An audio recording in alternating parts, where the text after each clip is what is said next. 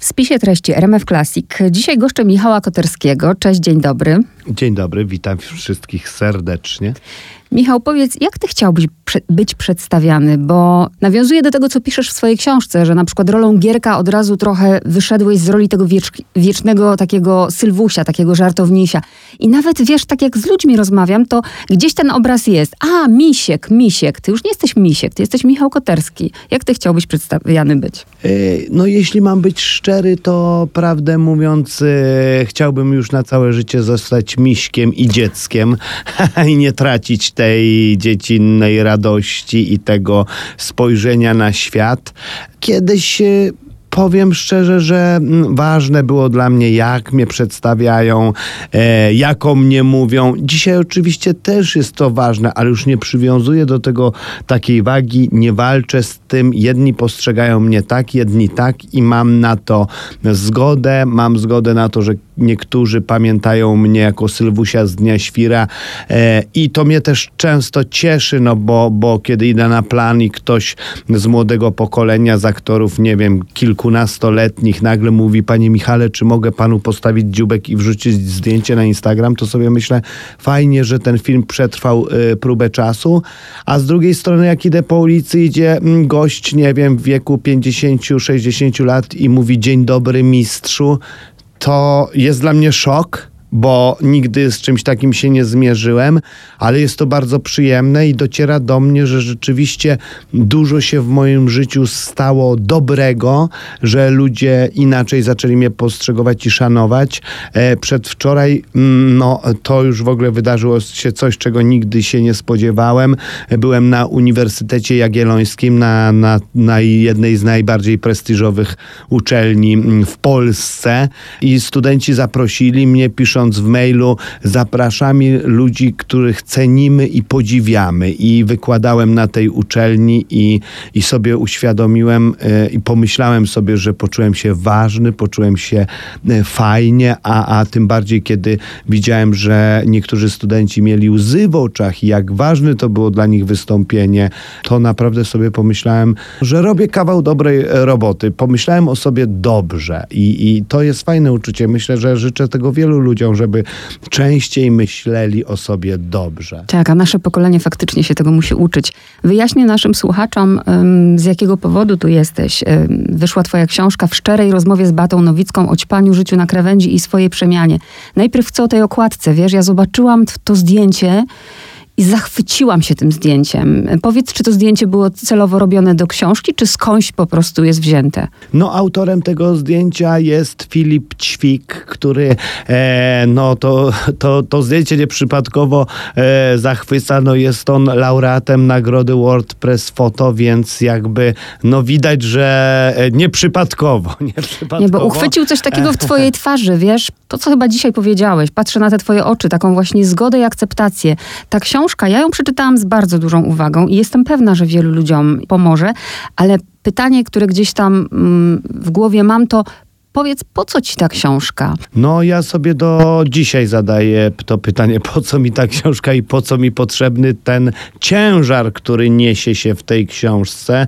E, I powiem szczerze, wydawnictwo Znak e, chodziło już za mną od czterech lat, e, żebym się zgodził na, na udział w tej, w tej książce, opowiedział swoją historię. Ja po pierwsze nie byłem na to gotowy i zresztą do dzisiaj nie jestem, bo to jest ogromny ciężar, a po drugie nie chciałem do tego wracać, bo to dzisiaj ja jestem 8 lat trzeźwym, niepijącym alkoholikiem i narkomanem, który ma wspaniałe życie, przede wszystkim trzeźwe, e, czyli bez lęku i bez niepokoju i bez tego życia mm, w piekle uzależnienia. E, sukcesy zawodowe, które zaczęły się, które za tym zaczęły iść, e, zaufanie wielu twórców, którzy zaczęli mnie angażować, a potem no, spotkałem partnerkę Marcelę, z którą mam wspaniałego syna, Fryderyka, jestem ojcem, no to to już jest jeden z największych sukcesów mojego życia. Jestem ojcem Fryderyka Koterskiego, który jako pierwszy Koterski przerwał sztafetę e, pokoleń i urodził się w trzeźwej e, rodzinie. I to jest największy, gdyby ktoś mnie zapytał o mój największy sukces życiowy, to jest właśnie to, że on się urodził w bezpiecznej, dobrej rodzinie i, i no i właśnie, i dzięki tym łaską, czy przez te łaski, e, które otrzymałem i w których można powiedzieć się teraz pławię i cieszę się i raduję, e, korzystając z każdego dnia, e, kiedy, kiedy e, dwa lata temu tak jak mówię, cztery lata temu brałem udział w takiej y, książce Krzysia Skurzyńskiego Świat na głowie o rodzicielstwie. Zaraz jak się urodził mój y, Fryderyk, miał wtedy rok, brał tam udział Przemysław Saleta, mm, lider raz, dwa, trzy i kiedy tą książkę przeczytano w znaku, zaproponowano mi właśnie, mm, żebym opowiedział swoją historię. Ja tego nie chciałem, ale potem dwa lata później wziąłem udział w takim podcaście Jakuba Żulczyka i Juliusza Strachoty Coś pać po odwyku no i odzew był tak ogromny i zresztą ja często mówię o tym swoim uzależnieniu, często się do niego e, przyznaję, dlatego że mm, po prostu, po pierwsze, na początku zrobiłem to dla siebie, żeby nic nie ukrywać. I kiedyś, e, jak mówiłem, że Jezu się wstydzę mówić o tym, że jestem trzeźwy, a mój kolega powiedział, no ale jak pijany łaziłeś i leżałeś na imprezach, robiłeś numery, to się nie wstydziłeś. No i ja mówię, rzeczywiście. On mówi, no to chyba nie ma się czego wstydzić, to jest powód do dumy, więc zrobiłem to na początku dla siebie, żeby nic nie ukrywać, żeby nie żyć e, w strachu, czy ktoś się dowie, czy nie dowie, czy to wyjdzie, czy nie wyjdzie, więc zrzuciłem z siebie taki ciężar. No a po drugie właśnie mm, mm, mm, dla ludzi, kiedy o tym opowiadam i dostaję taki feedback, e, wiadomości, że, e, że ktoś nawet posuwa się do tego, że mówi dzięki Panu ja e, zdecydowałem się, żeby zmienić swoje życie, bo jeśli Pan mógł, to ja zrozumiałem, że ja też mogę. Oczywiście ja zawsze każdemu piszę, że to jest zawsze dzięki sobie, że to nie jest tak. To, to nikt człowieka nie zmusi, żeby zmienić swoje życie w każdym jego aspekcie i że to jest nasza decyzja, nasz pierwszy krok oczywiście w tym może wspomóc wiara, jak w moim wypadku, czy Bóg może się taki cud stać, że ja jakąś tam łaskę dostałem, że ta obsesja mi mm, mm, minęła, e, czy inni ludzie mogą e, wspomagać i wspierać, ale bez naszej decyzji świadomej i pełnej, e, no nic i nikt za nas tego po prostu nie zrobi. A wracając do zdjęcia, zdjęcie pojawiło się po sesji sesję mm, zaproponował mi Filip po filmie Siedem uczuć. E, no i ten film gdzieś też dogłębnie mnie poruszył. Co prawda grałem Adasia Miałczyńskiego i nie jest to tajemnicą, jest to alter ego mojego ojca, no, który zrobił filmy Wszyscy jesteśmy Chrystusami, czy Dzień, Dzień Świra, więc jakby do samego bohatera mm, było mi blisko i daleko, no bo to nie byłem ja, ale, ale myślę, że do samego Miałczyńskiego wszystkim nam jest blisko, bo po części każdy z nas po trochu nim jest i odnajduje swoje lęki, swoje traumy, swoje bolączki, swoje złości na innych, na naród. I, i teraz w ogóle e, niedawno leciałem samolotem, był Dzień Świra dostępny w samolocie i obejrzałem to i sobie pomyślałem, to jest niesamowite, jak ten film przetrwał próbę czasu i sceny, kiedy politycy rozrywają flagę Polski i orła, który krwawi i krzyczą moja jest racja, nie mojsza jest mojsza niż twojsza, a nie moja jest najmojsza i przy tym rozdzierają Polskę, rozdzierają orła, który krwawi, to właśnie my jesteśmy tym orłem i tym sercem. My naród, który krwawi cały czas i to za jakiej władzy, jaka by nie była, to się nic nie zmieniło. No to nie jest akurat optymistyczny akcent tej rozmowy, ale, ale, ale, ale akurat sobie to, to przypomniałem, jak ten film jest cały czas. Zanim wrócimy do twojego taty, to wiesz, e, zaskoczyło mnie to, ponieważ Dzień Świra uwielbiam i zresztą chyba myślę, że każdy e, uwielbia. To jest arcydzieło, a scena z dzióbkiem przeszła do historii. Ty przeszedłeś do historii. Tylko wiesz, co mnie zaskoczyło, jak czytałam tę książkę? Bo ja myślałam, że ty tak naprawdę na tym planie nie za wiele musisz robić. Że ty po prostu wchodzisz i jesteś. A tu się okazuje, że to o, to była cała przeprawa, że twój tata to jest niezwykle wymagający. Nawet Marek Konrad nie śmiał zmienić nawet akcentu żadnego. No nie można zmienić to z, z jednego podstawowego powodu, którego wtedy też nie wiedziałem i nie rozumiałem, czyli z takiego, że po prostu scenariusz mojego ojca ma swój rytm. Dzień Świra w trzech czwartych pisany jest trzynastozgłoskowcem. No nie da się pana Tadeusza recytować, zmieniając jego e, treść czy słowa, no bo to już nie jest pan Tadeusz, tylko jakaś wariacja na temat. I tutaj tak samo, no mój ojciec jest, ma dwa fakultety, jest po polonistyce, jest po reżyserii, bardzo bardzo dużą wagę przykłada do słowa, e, zarówno pisanego i mówionego. Dlaczego to ta, mówię w ten sposób? Bo, bo też często mi opowiadał, kiedy robił dokumenty i potem z dyktafonu spisywał mm, rozmowy, zdał sobie sprawę, że mowa mówiona jest zupełnie niż ta mowa pisana. Inaczej zapisujemy pewne dialogi, myśląc o nich, niż tak naprawdę mm, to jest w rzeczywistości. Stąd ten realizm w tych dialogach. Rzeczywiście wtedy często się powtarzamy, jest y, no, inny mm, szyk zdania, przestawiamy słowa, czy powtarzamy słowa w zdaniu. No tak się przecież nie pisze. E, no ale mojemu ojcu bardzo zależy, żeby to wszystko było właśnie tak, jak jest tam napisane i też właśnie kiedy pracowaliśmy nad filmem Wszyscy jesteśmy Chrystusami, to pytałem e, Marka Kondrata, no weź, chociaż zmieńmy to, żeby było łatwiej mówić i on mi powiedział, nie, nie, nie. U twojego ojca scenariusz jest jak utwór muzyczny. Jeśli zmienisz jedno zdanie, jedno słowo, to już nie będzie ten sam utwór. No Tak. i tego się trzeba uczyć perfekcyjnie, aczkolwiek to z czasem, jeśli człowiek e, czy aktor, który się podejmuje roli, przyswoi sobie perfekcyjnie tekst, to pomaga w roli, bo nadaje tej naturalności. Te, te, te mm, jak to się mówi w naszym języku, e, papier przestaje szeleścić, czyli to nie są właśnie takie spisywane zdania płynne i, i, i, i stylistyczne, tylko takie jak mówimy. Rzeczywiście ta mowa jest brudna, inna i, i przez to te dialogi tak, tak zapadają w pamięć i mają te swoje rytmy i tego nie można złamać. I tak jak ty mówisz, no ja mi się też wydawało, że mój ojciec, w szczególności pan reżyser, to jest zawód, który nic facet nie robi. Siedzi tam na krześle, wszyscy pracują, on siedzi, ogląda w telewizorze. No to dopiero trzeba przyjść na plan i zobaczyć, jaka to jest ciężka praca. Ja się śmieję, bo no, akurat biorę udział w wielu mm, takich inicjatywach charytatywnych, a przede wszystkim takim moim oczkiem w głowie jest Stowarzyszenie Możesz Więcej, które pomaga mm, dzieciom z niepełnosprawnością. No i co roku licytuję, to już kilka, ja jestem ich ambasadorem i, i w ogóle zaprzyjaźniłem się z tymi mamami. To jest stowarzyszenie, nie żadna fundacja, więc jakby one założyły to same z Mińska Maniuzowieckiego, żeby nie przyjeżdżać do Warszawy. Postanowiły, że wybudują dom taki opieki profesjonalny. No i ja pomogłem im w tym, żeby zbierać na to pieniądze i co roku jedną z licytacji, bo jest bar charytatywny, licytujemy zawsze dzień na planie.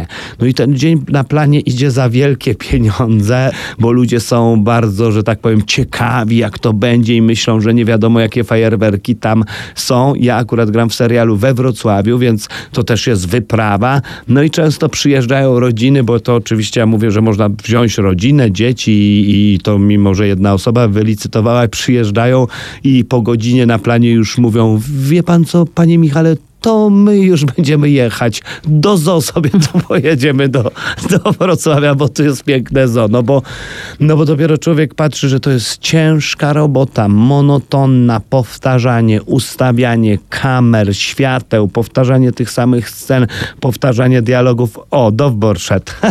Także więc ten, mój kolega się śmieje. No więc, więc, e, więc tak jak mówię, jest to monotonna e, robota, a potem mamy ten montaż i tą, tą esencję w telewizji i każdy sobie myśli, kurde, tacy to pożyją. Czerwone dywany, miliony na koncie i nic nie muszą robić. I teraz wchodzę właśnie w taki temat trudny, ale, no, ale po to tu jesteś też z okazji świąt się spotykamy i symbolicznego zmartwychwstania, bo wiesz, ktoś może pomyśleć, Michał Koterski, ten to ma szczęście, ten to się urodził w rodzinie reżysera, temu to niczego nie brakowało. Kiedy przeczytałam twoją książkę, pomyślałam o czymś takim, to się chyba nazywa hamatria, czyli niezawiniona wina, że ja mam wrażenie po jej przeczytaniu, że ty nie miałaś innego wyjścia, e, żeby nie powtórzyć tej drogi ojca.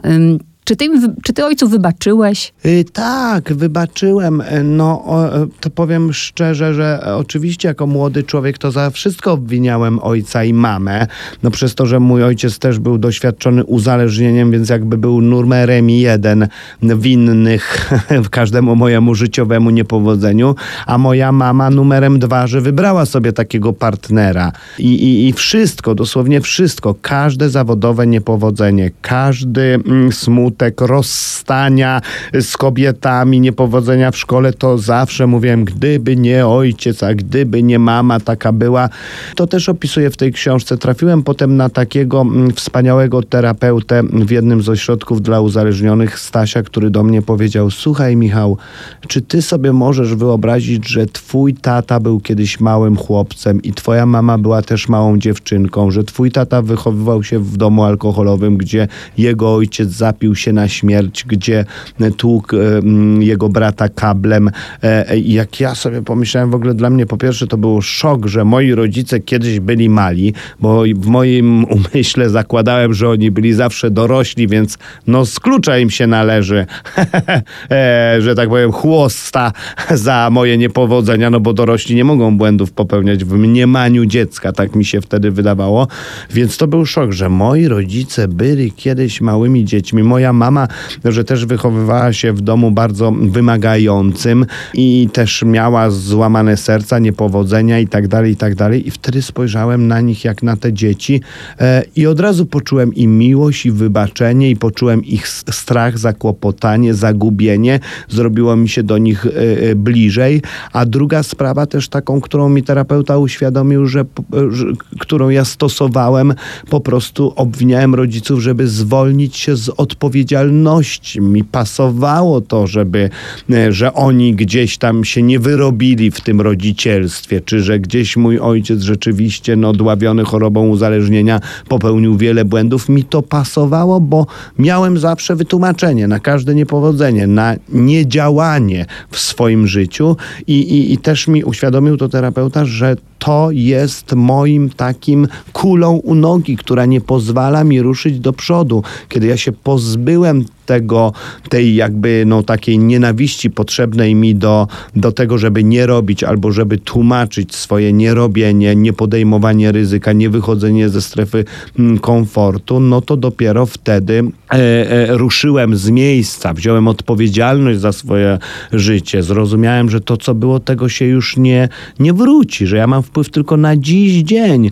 E, no zresztą moi rodzice też ode mnie dostali krzyż pański, jak to się mówi i, i, i, i mimo to mnie kochali. I ja też e, e, e, to jest tak, że, że rodziców się kocha zawsze gdzieś tam podświadomie, jak, jak jakkolwiek, jacykolwiek by nie byli. Aczkolwiek no jedna rzecz, ja się, ja mimo błędów moich rodziców zawsze czułem się kochany i to mi dali mm, taką poczucie, poczucie miłości. No tak jak mówię, może w pewnych rzeczach się nie wyrabiali, ale dawali mi poczucie miłości. No i, i, i tak, tak. Ja wybaczyłem mm, rodzicom mm, już dawno, e, ale ostatnio ktoś mnie zapytał, czy oni mi wybaczyli, czy ja ich przeprosiłem i ja sobie uświadomiłem, uświadomiłem, że ja ich jeszcze nie przeprosiłem, więc chyba ta książka może z, zawsze z jakiegoś trudu wychodzi jakieś dobro. Zapytałeś, zapytałeś mnie, po co mi ta książka? Ja sobie myślałem, no właśnie, po co? Przecież ja dzisiaj mam wspaniałe życie. Po co mi powrót do tego piekła? Do tego, że obnażam się tam, staję nagi przed ludźmi. Po co ja mam to przypominać, jak już większość tego nie pamięta?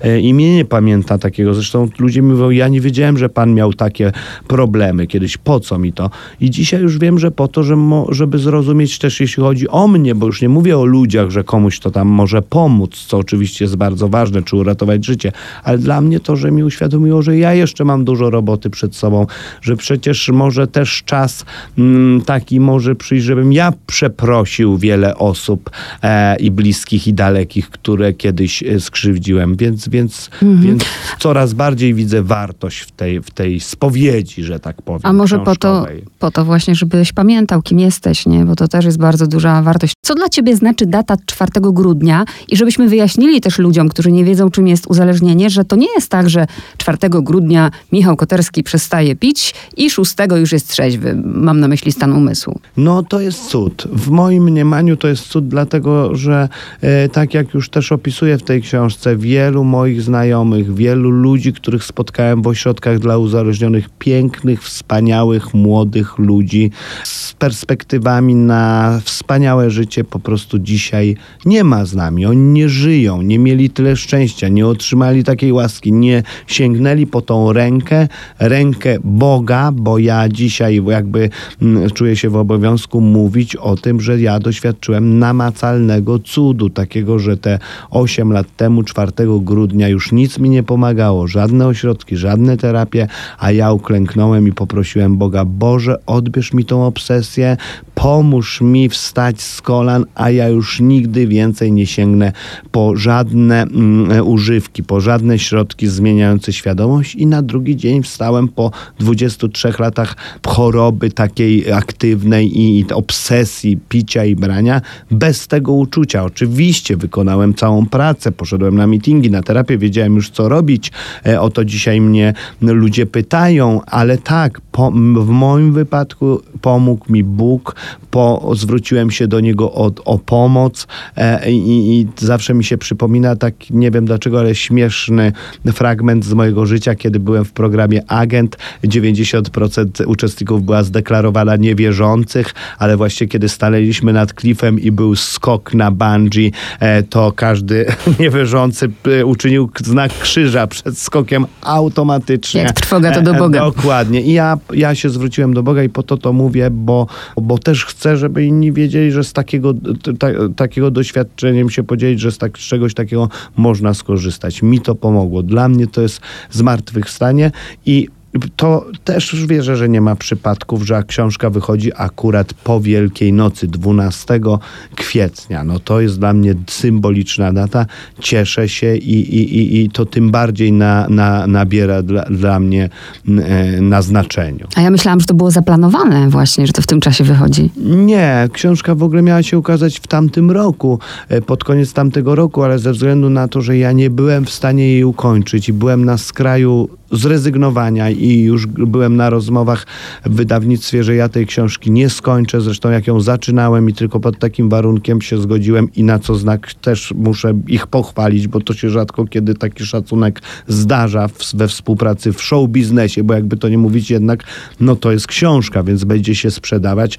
No i jest to częścią tego biznesu, show biznesu, jakąkolwiek by ona wartość za sobą nie niosła, to oni rzeczywiście powiedzieli, że nie będą naciskać i że że jeśli tylko powiem, że nie jestem w stanie tego dokończyć, to oni to uszanują i, i, i, i przerwiemy pracę. Jak się Michał Koterski modli? Czy modli się Ojcze Nasz, czy modli się Panie Boże, co tam u Ciebie dzisiaj? Jak wygląda Twoja modlitwa? Różnie, najróżniej. Powiem tak, przyznam się, że jeszcze do niedawna, do trzy, trzech lat wstecz nie wiedziałem, jak wygląda modlitwa różańcowa. Tak akurat się złożyło, że trafiłem do Meczugorje e, ze wspaniałymi ludźmi, z którymi po powrocie założyłem zresztą wspólnotę chrześcijańską, wspaniałą, która do dzisiaj prężnie działa i naprawdę ma taki jakby, no, taki cel, żeby łączyć ludzi w pary i wiele małżeństw powstało w tej wspólnocie, ale nie tylko, bo też do dzisiaj prowadzimy jedyną taką bezpłatną noclegownię, pomocownię dla mm, e, e, uchodźców z Ukrainy. E, wiadomo, wiele się za, zamknęło takich miejsc, a my nadal działamy. E, e, nazywa się bardzo ładnie Królowa Pokoju i tam mnie nauczono, e, mimo że to już mówię, 8 lat jestem trzeźwy, czyli 5 lat modliłem się po swojemu.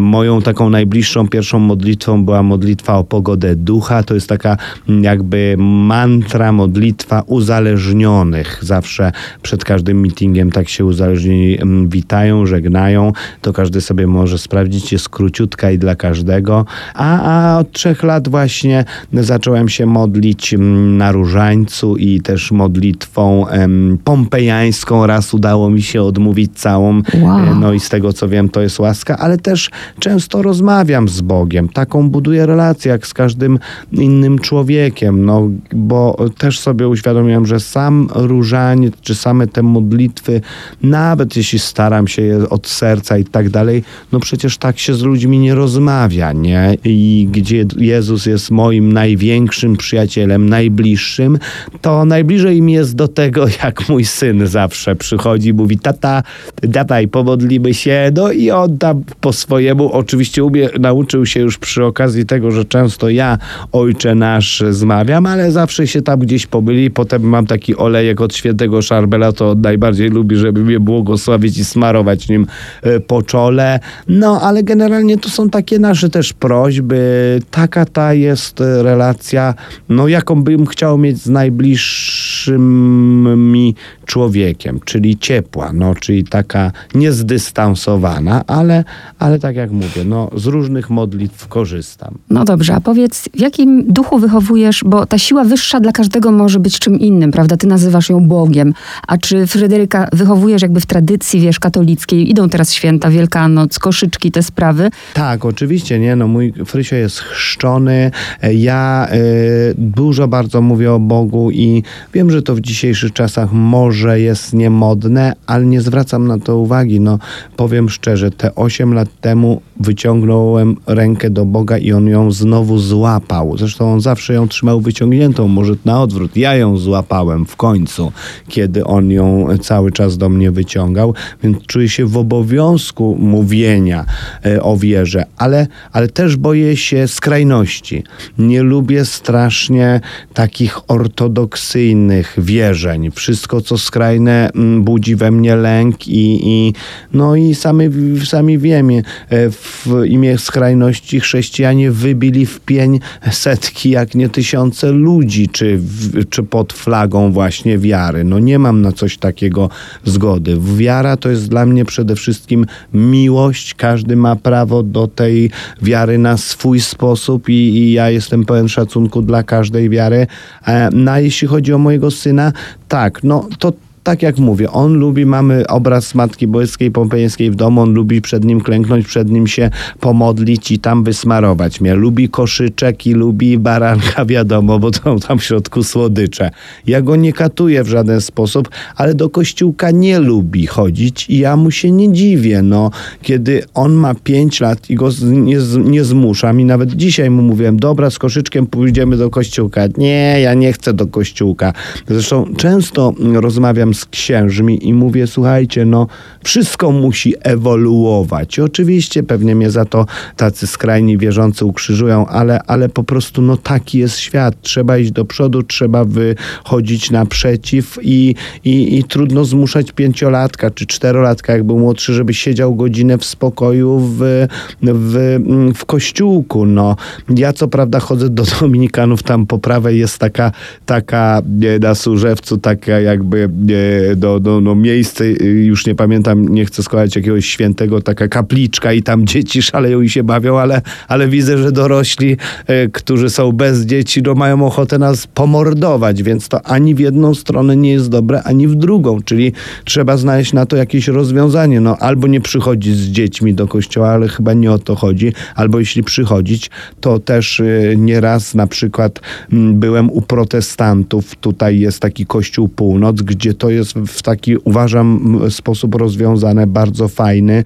że przychodzi się, jest najpierw uwielbienie. Mój Fryderyk uwielbia ten śpiew, muzykę i tak dalej, a potem z małymi dziećmi mm, mówią, przepraszamy, ale proszę teraz do innej sali. Jest sala, gdzie normalnie dzieci się bawią przed nosem zabawkami, a na telebimie nie, jest kazanie, rodzice mogą usiąść i dziecko jest, nikomu nie przeszkadza, dorosłym, którzy zostają w tej głównej sali i dziecko jest zadowolone i gdzieś kątem ucha uczestniczy w tym nabożeństwie, jeśli to tak można nazwać.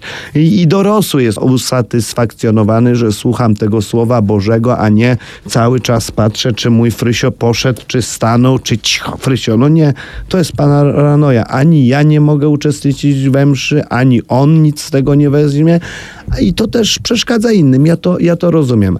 Ja nie wiem jak, ale z wieloma księżmi, z którymi mm, działam, bo, bo, bo jakby zawsze jestem otwarty na pomoc y, wszelaką i, tylko z, z, racji tego, nie mówię, że jak jestem taki wspaniałomyślny i tak wszystkim pomagam, nie, nie budzę się z myślą, żeby dzisiaj pomóc innym, nie, budzę się z myślą, jak mi źle i, i co mógłby jeszcze dla mnie Pan Bóg zrobić.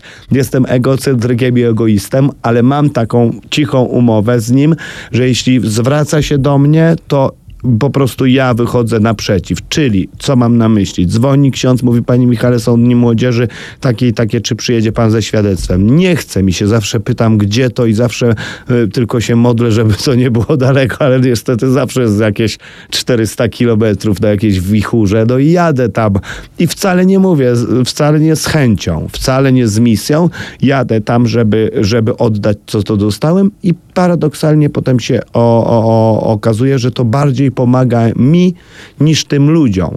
Mi na pewno pomaga, a, a, a, a, a im tego, znaczy wiem, no często mi dziękują i mówią i się odzywają po takich spotkaniach, ale mi też to pomaga, bo tak jak mówiłaś, przypomina mi to, kim ja jestem, skąd przyszedłem, żebym nie stracił czujności. Rozwija też moją wiarę, bo często w zagonieniu, w tej pracy, w tym wszystkim e, zapominam o Bogu, zapominam o relacji, zapominam o duchowości, zaczynam karmić się lękami przyszłości i, i takie spotkania mi bardzo, bardzo, bardzo dużo dają i na takich spotkaniach często mówię księżom, słuchajcie, no trzeba coś zrobić. No i powiem tak, w kościele już, w Warszawie już powstały dwa takie kościoły z takimi mm, jakby no placami zabaw. Ja wiem, że to może zabrzmieć i zaraz ktoś uderzy w stół, place zabaw w kościele. No ale, no ale jakie inne rozwiązanie? Mamy przywiązywać dzieci do ławek i, i ten, no też przecież to nie jest rozwiązanie, więc, więc tak, no trzeba by nad tym usiąść, zamiast skupiać się na, na, że tak powiem, jakichś wewnętrznych bojach i walkach, to może trzeba właśnie zobaczyć, jak wyjść, e, jak Kościół mógłby wyjść ludziom naprzeciw, żeby to wszystko odbywało się w atmosferze miłości rodzinnej, takiej opiekuńczości, takiej, no w takiej, żeby się chciało, żeby właśnie mój syn mówił, kurczę, tak, tata, idziemy do kościółka, nie? Ja się tak uśmiechałam, jak czytałam twoją książkę, ponieważ słuchacze RMF Classic do znudzenia wiedzą, bo to powtarzam i powtarzam i powtarzam, że od pewnego momentu w swoim życiu absolutnie nie wierzę w przypadki. Wszystko jest, się ze sobą łączy i wiesz, kiedy opisujesz te różne momenty, że Fryderyk y, rodzi się w rocznicę śmierci Chopina, to miałam aż ciary. Wiem już, że też nie wierzysz w przypadki. Tak, nie, no nie wierzę, w ogóle nie ma czegoś takiego. Dzisiaj e, młody muzyk zgłosił się do mnie, znaczy dzisiaj, dzisiaj u niego byłem nagrać ale zgłosił się z taką interpretacją na płytę.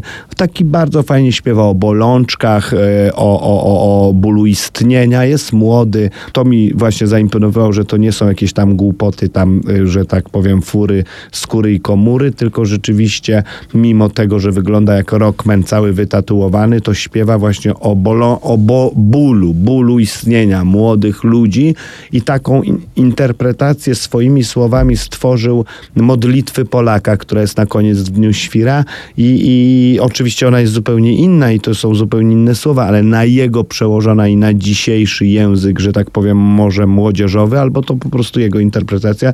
Bardzo mi się to spodobało.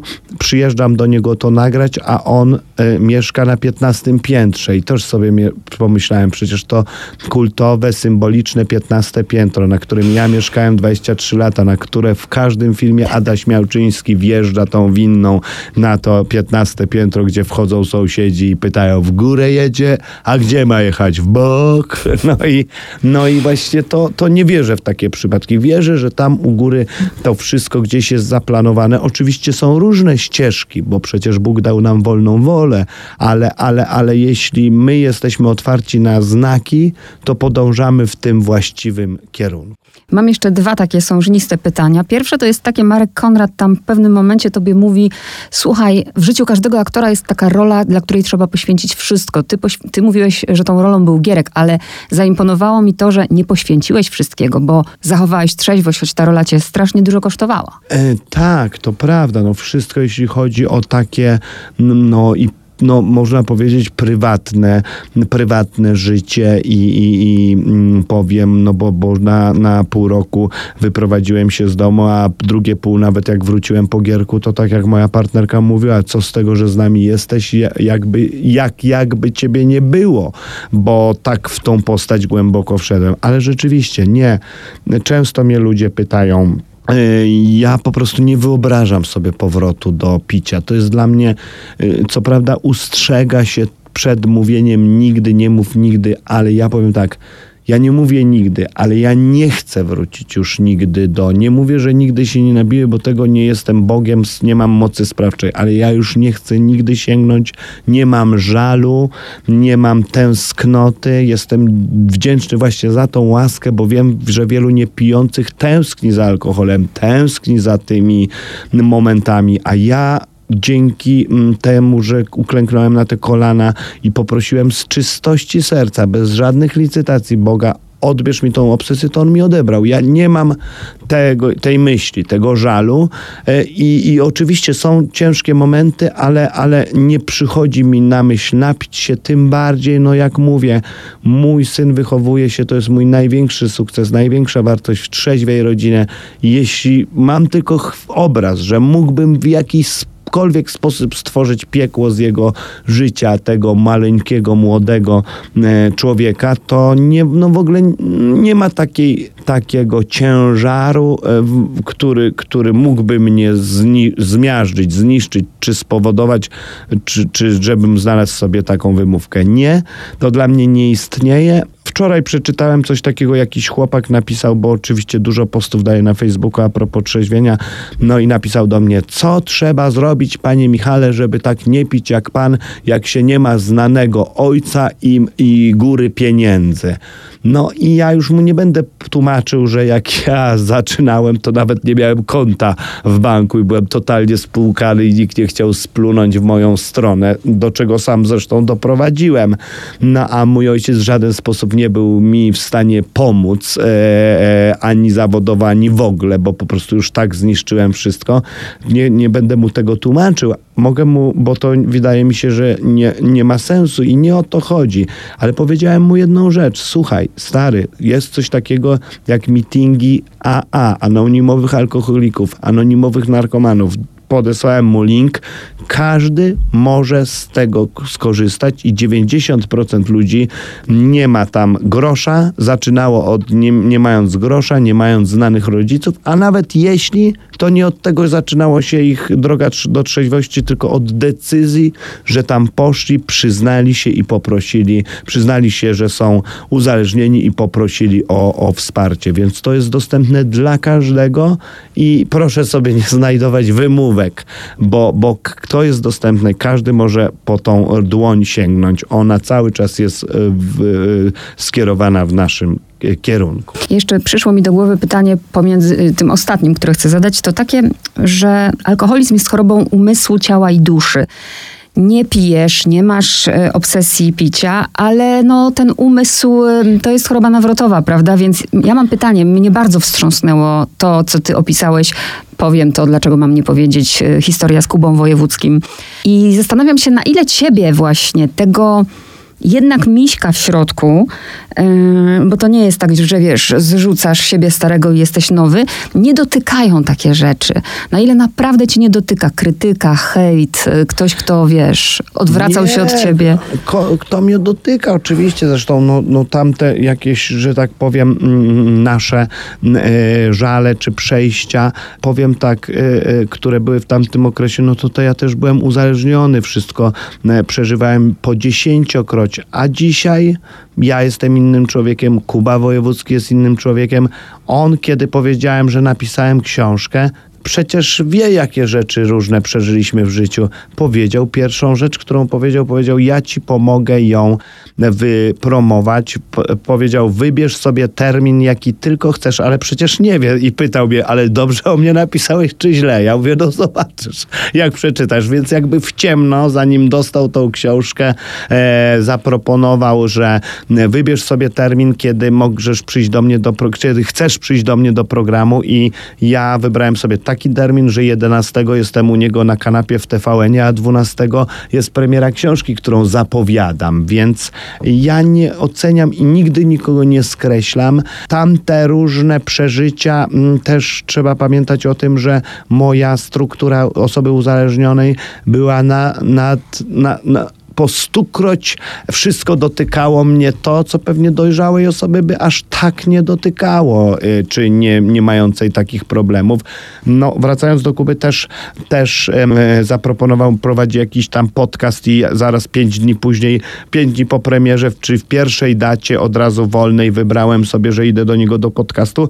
E, nie wiem, bo książkę dostał i przeczytał, więc dowiem się dopiero, jakie są jego odczucia, ale w ciemno jakby też chciał mi pomóc i to jest fajne, to jest fajne. To znaczy, że, że każdy z nas w życiu popełnia jakieś błędy, ale to nie znaczy, że kurczę jest złym człowiekiem i że trzeba go za to yy, przekreślać, bo gdybym ja tak e, podchodził do innych ludzi, to mi by się też szansa nie należała, bo ja też wielu ludzi w życiu zawiodłem, też wielu ludzi w życiu skrzywdziłem. Choroba uzależnienia jest straszna. Jest taka, że jeśli choruje jedna osoba, to chorują wszyscy dookoła bliscy i, i dalsi, i bliższy, bo jesteś wciągnięty w tą, tą całą mm, machinę. E, no, a, aczkolwiek to też dzisiaj nie jest tak, że ja sobie, e, że po mnie spływa wszystko jak po kaczce, ale po nikim nie spływa.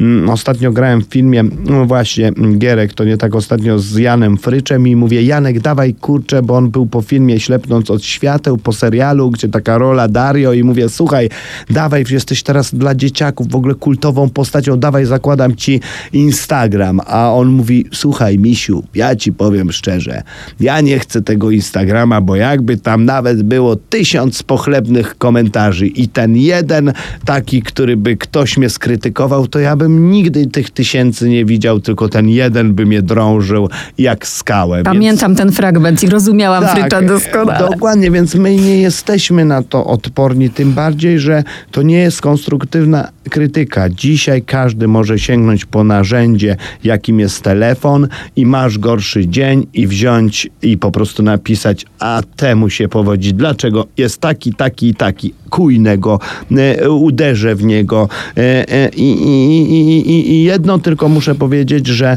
najczęściej to są ludzie, którzy cierpią, więc jakby to do mnie, to mnie aż tak nie dotyka jak komentarze ludzi, bo często zetknąłem się z tym, że jakiś młody chłopak do mnie pisał obraźliwe słowa, wyzywał mnie albo mnie na, naprawdę tak równał z ziemią i ja do niego pisałem, przykro mi, że tak do mnie się odzywasz. No jedyne co mi pozostaje to pomodlić się za ciebie, żeby cię użyło.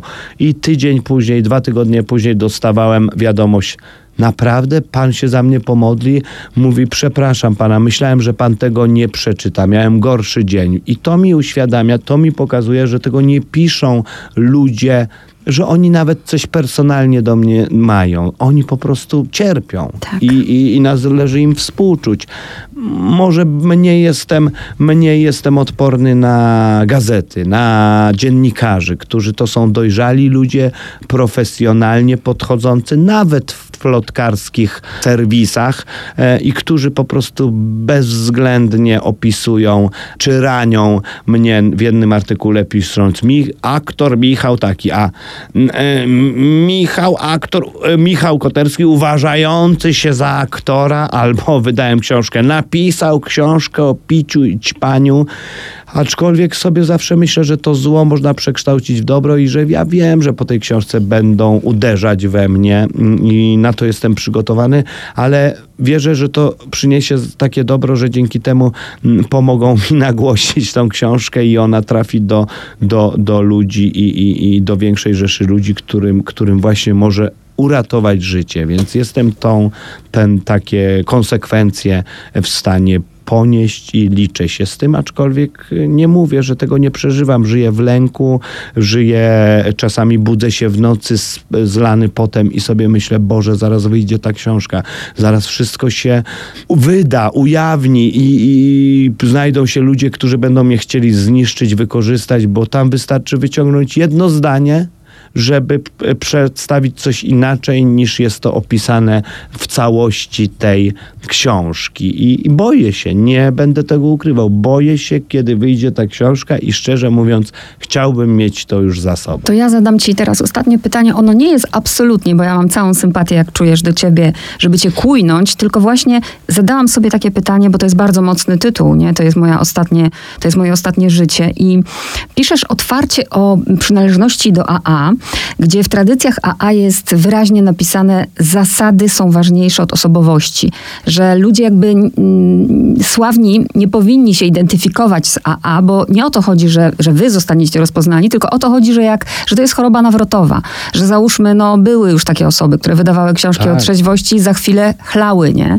E, I, i, I tu chodzi o to, żeby AA chronić. I tu się zastanawiałam, czy dlaczego ty to zrobiłeś? Dlaczego zidentyfikowałeś siebie z AA? No ja powiem tak, jak ja miałem pół roku mm, trzeźwości, mm, taki na mojej drodze stanął terapeuta Robert Rutkowski, który mm, jest no, wielkim autorytetem e, i wydał wiele książek i w ogóle wszędzie zapraszany i tak dalej, i tak dalej. Pamiętam jak pół roku to już media się rzuciły, panie Michale, żeby pan się wypowiedział, a ja miałem w głowie właśnie obraz osób, które napisały książki, nie chcę ich wymieniać z szacunku do nich, które właśnie gdzieś tam opowiadały o tym, jak, jak trzeźwieć, co robić, gdzie co, jak i, i po prostu popłynęły i to się dla nich bardzo źle skończyło, bo jakby można powiedzieć, że w pewien sposób postawiły sobie pomnik, potem z niego e, spadły, zburzyły i, i teraz jak wrócić, nie? I mi wtedy mój terapeuta powiedział, ten mm, Robert mówi, słuchaj, no to nie jest czas na pisanie takiej książki. Ja myślę, że czas nigdy nie będzie, ale ja widzę dzisiaj Antony Hopkins, no co prawda trudno się porównywać, bo on ma 50 lat trzeźwości, mówi o tym wszem i wobec. E, Borys Szyc, który mówi, no pierwsze A do mnie nigdy nie należało, to mi się bardzo podoba. No i ja też wychodzę z założenia, pierwsze A nigdy do mnie nie przynależało. Ja nigdy już nie będę anonimowy i nie jestem, co oczywiście to nie znaczy, że mnie te zasady nie dotyczą, ale ja myślę, że my musimy o tym mówić. To nie może być tak, że AA i NA jest w podziemiu, e, bo ludzie pytają, ewidentnie to się wzięło stąd, że ludzie zadają mi mnóstwo pytań. Ja nie jestem, to nie jest tam jedna wiadomość, to są setki wiadomości. Ja nie jestem w stanie się za, być nadwornym, e, nadwornym, że tak powiem, e, uzależnionym, który będzie kierował i, i, i jakby nawigował ludzi, którzy potrzebują pomocy. Widocznie jest, gdyby były instytucje i by było to wiadomo, to by ludzie nie zadawali tych pytań, więc troszkę wziąłem odpowiedzialność za tych, którzy tego nie robią, którzy powinni tym zdrowiem uzależnionych i współuzależnionych, bo to też jest ważne, czego tutaj nie, nie podnieśliśmy, że tu nie chodzi tylko o osoby uzależnione. Ja napisałem tą książkę, żeby pokazać rodzicom, jakie piekło można stworzyć dziecku, e, że, że to choruje i dziecko, i, i współmałżonek, i cała rodzina, że to nie jest tylko sprawa pijącego czy ćpającego.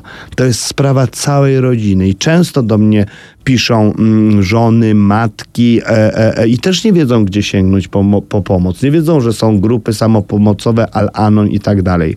Ktoś tu nie wykonał tej pracy i nie mówię, że ja, e, e, że wykonać mam ją ja. No ale jeśli jest tyle pytań, to czuję się w obowiązku podzielić swoim doświadczeniem. Jak sama zauważyłaś, ja nikomu nie mówię i tego się wystrzegam ostrzegałem, że ja nikomu nie mówię, co ma zrobić, jak ma żyć. Ja się tylko podzieliłem swoim doświadczeniem i wierzę, że ktoś może z tego mm, skorzystać.